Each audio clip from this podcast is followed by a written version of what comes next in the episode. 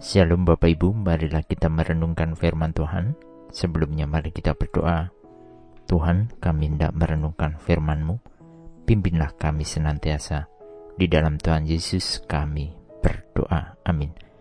Bacaan saat ini diambil dari Roma 5 ayat 18. Roma 5 ayat 18. Karena itu sama seperti satu pelanggaran membawa kepada hukuman bagi semua orang.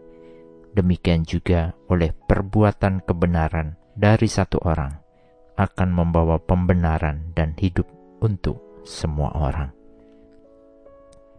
Masa kecil kita memiliki kenakalan tersendiri. Mungkin kita pernah mengalaminya dan merasakan, karena perbuatan satu orang, maka semua menerima akibatnya. Karena kenakalan satu teman kelas, maka satu kelas mendapatkan hukuman. Risiko kenakalan dan kesalahan membuat semua menerima getah perbuatannya. Kehidupan manusia di dunia juga dikatakan demikian. Akibat pelanggaran dan ketidaktaatan Adam, maka manusia mendapat penghukuman dari Tuhan.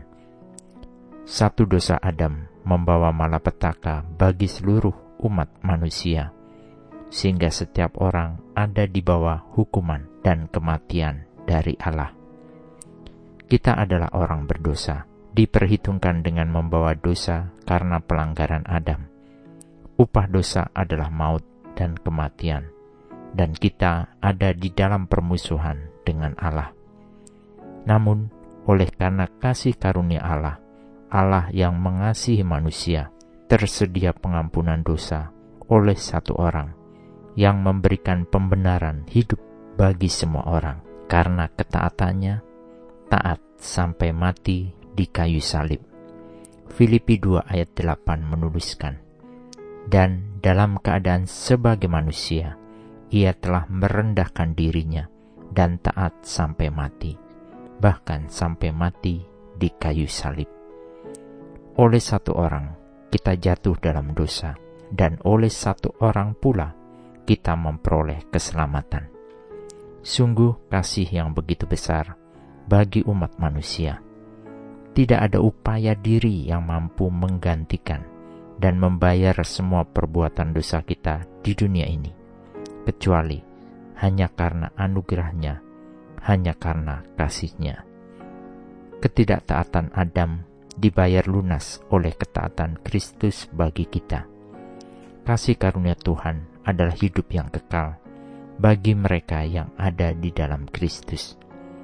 Kita sekarang dengan iman percaya kepada Kristus ditempatkan dalam kesatuan abadi dengan Kristus yang adalah penebus kita dan kita menjadi ciptaan baru di dalam Allah.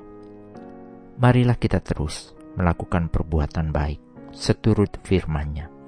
Kita tidak lagi manusia dosa yang tidak punya pengharapan. Kita sekarang manusia baru, senantiasa memiliki pengharapan di dalam Tuhan. Amin. Mari kita berdoa.